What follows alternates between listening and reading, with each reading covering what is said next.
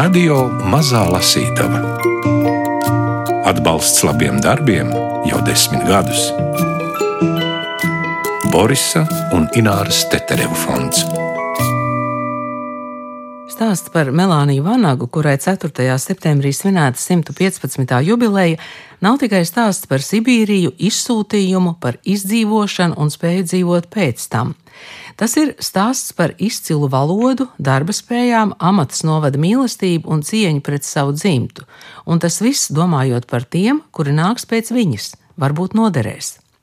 Radio mazā lasītava šoreiz ceļo uz amats pamatskolu, kur Melānija Vanaga sāk iet pirmajā klasē. Tagad tur iekārtota piemiņas istaba. Senajā klases telpā Gunārs Āboliņš lasa fragmentus no Melānijas Vanagas rokrakstu sējuma Mūži un mirkļi par viņas vecvecākiem. Dzēnieks un tūkotājs Gunārs Godiņš atcerās, ka reiz ticies ar Melāniju Vanagu žurnāla avots laikos un stāsta par saviem tulkojumiem no somu un igauņu valodas. Mūsu uzņēmums sagaida un izvadā muzeja vadītāja Ingrīda Lāce, tiekamies ar Melānijas Vanagas radiniekiem, auģu dēlu Andri Eglīti, ar visiem, kur lasa un klausās.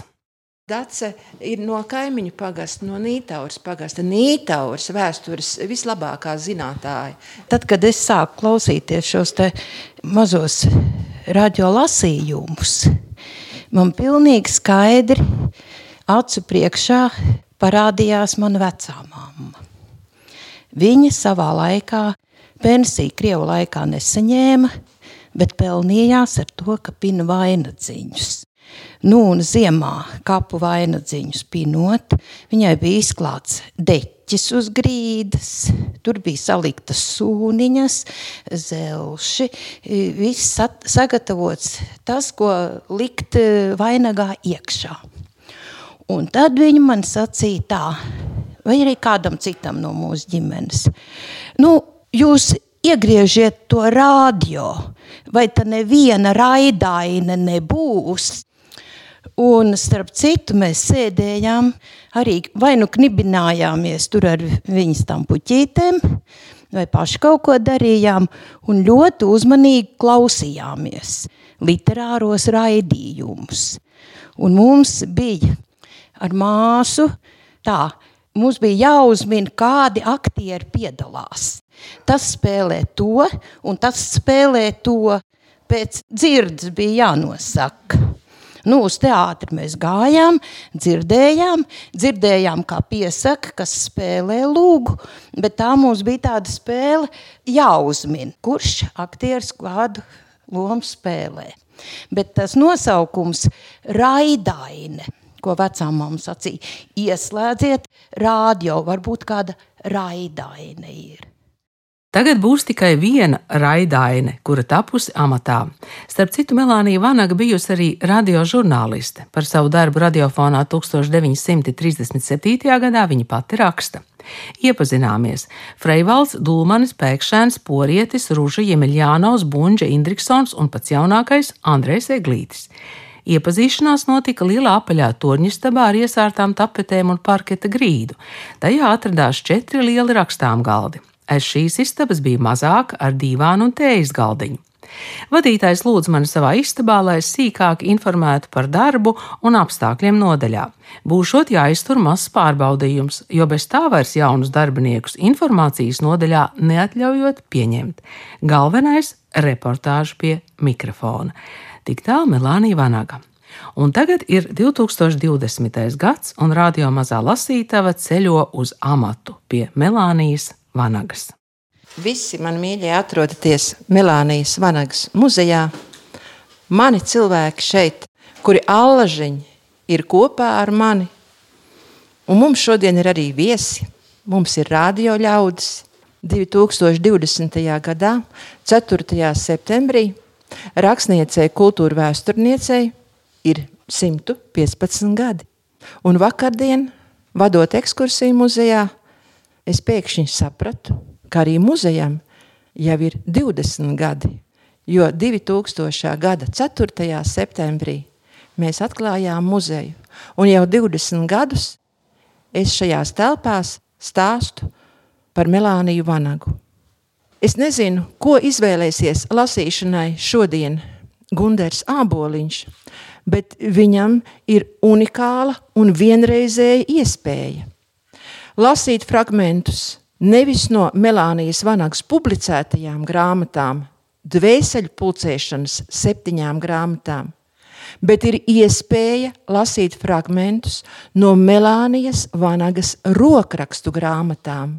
Viena no sērijām Mūži un mirkļi, kura stāsta par dzimtu, par Latvijas vēsturi daudzu gadsimtu dziļumā. Mārcis Jūde.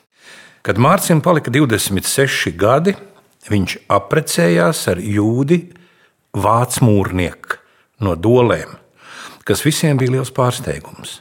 Jūda bija ātra, veikla, runātīga un droši vien lielais notikums ir tieši viņas nopelns.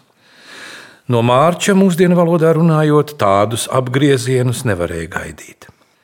Doles atradās pašā sarmuļu klaušu ceļa malā uz spāres mūžu, un vai maz tumšus vakarus mārcis tā paskumi viens nācis mājā no mūžas un skatījies doļu siltos logos, aiz kuriem degas kals un sprigana meita, pūra kreklu šuva. Tie logi bija tik aicinoši un sološi, ka gan jau Mārcis nevienreiz vien gribējās iegriezties siltā istabā un atkrist uz soliņa jūdei blakus. Bet Mārcis nekad tur viens neiegriezās kaut gāza lietus un dubļu smēlās pastāvās.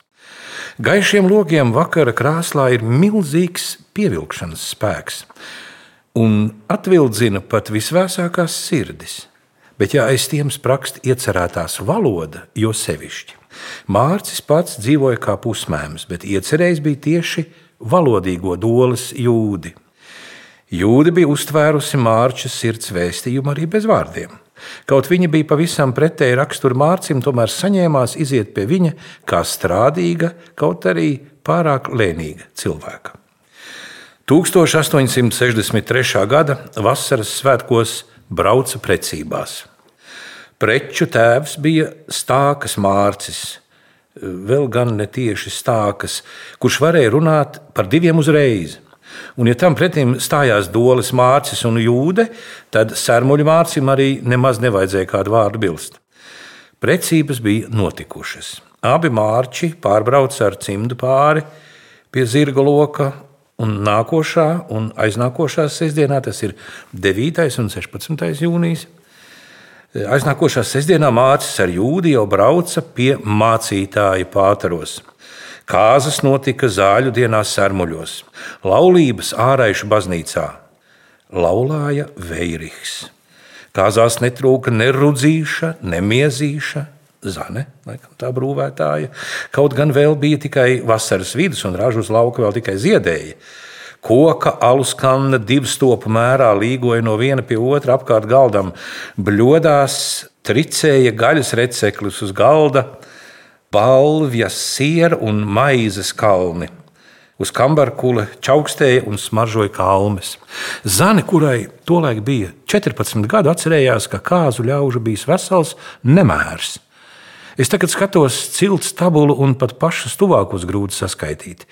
Visi dzīvie no māča 13 brāļiem, māsām un pusbrāļiem, tēva brāļu un māsu ģimenes, gabliņi, jāzepi, ozoliņi, bites un vairāk šlejas, visi tādi paši jūdas radi kaimiņi. Galdi bijuši gan kambarī, gan rīs paspārnē, kas izspraudīti ar bērnu mejām un lupstājiem, bet beigās jau visi saspiedušies paspārnē. Mārci un Jūdi ārēšu baznīcā pirmoreiz uzsauca 9. jūnijā, otrreiz 16. jūnijā, trešoreiz 23. jūnijā. Kāzu rītā izvadot jūdi no doliem noturēti pāteri, un kā pēdējā dziesma dziedāta no ar dievu mīļā sēta, kur es dzimu, es uz augu, būsi manim dārga svēta, kauču tālu aizgāju. Dolēnieši bija panāksnieki, kuri apdziedāšanās ilgi turējušies naidīgi pret vedējiem. Girta vilka panāksnieki, te ir tāda ilustrācija. Girta vilka panāksnieki pārāk saskaistināti vismaz šīm kāzām. Tie bija gan vācu mūrnieki, gan īzāki, kaut brāļi un tēva brāļi. Par vecmūrniekiem ir skaidrs, bet kāpēc tīriem latviešiem velkas līdz arī tāds tīri ebrejisks uzvārds, un kad un kam pirmam tas pielipis? Īzāks ebrejiski nozīmē smiekli. Pēc Bībeles zāra Abrāmas sieva dziļā vecumā noklausījusies pareģojumu, ka viņai piedzims dēls, neticīgi sākusi smieties. Dēls piedzimis un nosaukts par smiekliem īzāku. Arī vairāki visparastākie latviešu vārdi ir ebreju izcelsmes, piemēram, Jānis. Seniem ebrejiem nozīmēja dieva dāvanu, Jokanāna, kā svēts vārds, tas pārnāca arī uz Eiropu, kur katra valoda to piemēroja savai izrunai. Jonas, Džons, Žants, Ivans un tā tālāk. Ar mārča preci radi bija mierā. Zane saka, jūde bija izdarīga uz visām kantēm, mārčam taisni kā dieva dota. Mārcis bija izvēlējies sev krietnu sievu. Drīz pēc viņas ieviešanas sarmuļos viss it kā pārvērtās. Visa mājas saime kļuva gaišāka, jautrāka. Mārcis arī pats centīgāk ķērās pie saviem vīra darbiem, kaut arī līdz šim viņš nebija slinkojis. Pieauga līdumi, sakuploja dārzu pakalne, bet paši dzīvoja bez lieka maiguma. Paldies! Un uz tās zīmītes ir rakstīts, ka tas bija stāsts par vectēvu Mārci un vecomāti Jūdi. Bet eh, mums tie stāsti jau pirms apsēdāmies šeit, šajā senajā klases telpā, mēs staigājām, un mēs atzināmies, ka mēs šeit esam pirmo reizi, bet eh, Gunārs Godiņš ir ar Melāniju ticies, vai ne? Izstāst, lūdzu tādā ļoti senā laikā, kad es strādāju žurnālā avots. Uz avotu atnāca Melānija, jo mums bija paredzēts kaut kāda publikācija, varbūt iespējams no šīs grāmatas, es tagad neatceros. Bet tā bija pirmā tāda tikšanās, un, un, un, un protams, atstāja milzu iespaidu man tieši viņas valoda, kā viņa arī runāja. Un tagad, klausoties Gunterā, man gribētos klausīties un klausīties. Un es iedomājos, kā vispār Gunters, ja viņš lasa pasaku bērniem, viņš nekad negulēs. Viņš visu laiku klausīsies. Jo, ja kas sliktāk lasa, tad tie bērni aizmieg. Bet tur vispār nekāda miega nav. Bet ļoti labi skanēja, un ļoti labi arī šo valodu dzirdējām, arī kā Melānija rakstīja. Mēs gan te esam aizklausījušies, bet eh, Gunārs man teica, tā, nu es paņemšu līdzi kādas piecas grāmatas. Ja, tā ir. Jā bet uh, es varētu. Tās ir pēdējā laikā, kas iznākušas. Es ne, bet vienu es aizmirsu, un varbūt tāpēc uh, varbūt arī mazliet pieminēšu tikai. Jā, jā. Un tas uh, saskanētu, protams, ar Melānijas Vanagas rakstīto, un tas ir romāns Biedrs bērns. Varbūt esat lasījuši. Tā ir tikko arī filmu rādīja, un tā ir Lielo Tungala, kas raksta par savu bērnību, kā māte tiek apcietināta pirms 53. gada, jo viņa ir skolotāja, direktore skolā un tiek izvesta. Un Lielo paliek viena, un e, viņa uzrakstīja šo romānu. Romāns ir būtībā trīsdaļīgs. Mēs esam izdevuši pirmo daļu. Nu, jā, pēc Kaleva dēla man tāpat ir neskaitāmas grāmatas. Tikko arī pabeidzu vienu ļoti sarežģītu grāmatu, zinātnisku grāmatu par Māras zemi, par templiešiem no vēsturiskā viedokļa. Uh, no uh, mitoloģiskā viedokļa. Tātad tur astronomija, matemātika, un tas tulkotājs ir spiests visu to tomēr saprast. Jā. Bija ļoti, ļoti grūti, e, it sevišķi jau matemātikā, jo matemātikā, kā zinām, literāti ne, nevisai. Bet no izdotajām grāmatām, nu, es varētu pieminēt, tā ir e, Tilda un Putekļu eņģelis. Tas ir Andrus Kivireks, mums jau zināmais autors, kas ir uzrakstījis pirmās lotes grāmatas, ko es arī tulkojis. Un, nu, protams, slaveno kakumu pavasari, ko jūs noteikti esat, vismaz bērni noteikti lasījuši. Jā, kartupeļu e, salātus, jā, e, tātad karnevāls un kartupeļu salāti. E, gan kaka un pavasaris, gan kartupeļu salāti ir arī teātrī jau. Šī grāmata ir pavisam savādāka no Kivireha stilistikas. Un te ir grāmata, kas radās ļoti īpatnēji. Vispirms bija māksliniece, kas uztaisīja šādu putekļu eņģelīti, no tādu lellīti. Viņa ir leļu meistare, un viņa arī ir māksliniece, zīmē arī. Un e, viņa tur rāda tiem savām draudzenēm. Viņa saka, nu, iedot Andrusam Kivireham, varbūt viņš kaut ko uzraksta. Nu, un Andrus Kivereks saņēma šo ķēmiņu, un viņa, viņš uzrakstīja, varētu teikt, romānu, ko es pat varu teikt, gan kā pieaugušo romāns vairāk. Gan, gan tas ir domāts kā bērniem, bet ļoti tāds e, nu, dziļš, varētu teikt, romāns. Maza meitenīte, tēvs iet bojā lidmašīnas katastrofā, un viņa visu laiku domā, kāds bija tas tēvs un kā viņš dzīvoja. Un pēkšņi uz tā spilvena atrodas un uzlido putekļu eņģelis, un e, izrādās, ka tie putekļu eņģeļus ir iemiesojis arī to tēvu, un tā meitenīte vienīgā redz to putekļu eņģeļu, un viņi sāk runāties. Bet tas gandrīz kā Karlsons. Jā, jā, jā. jā, jā, jā, jā, jā. Jo Karlsoni var redzēt tikai brālītes. Tikai brālīts, jā, jā, jā. Pūksteni pusdeviņos mamma ienāca atvadīties no tildes. Mammai bija laiks doties uz darbu. Es nu iešu, mīlīt, viņa teica, esi labs bērns, virtuvē atstājis viestmaizes, ledus skapīra sula. Šodien pacenties sakārtot māju, labi, nu tu taču apsolīji. Jā, mammu, Tilda miegaini atbildēja.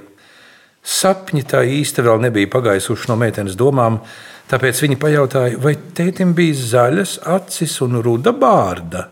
Tobrīd viņa pilnībā pamodās un satrūkās. Mamma bija lūgusi nekad vairs nerunāt par tēti. Nu, Tilde neko nevarēja darīt. Jautājums bija izsprucis pats no sevis, jo meitene bija redzējusi dīvainu sapni.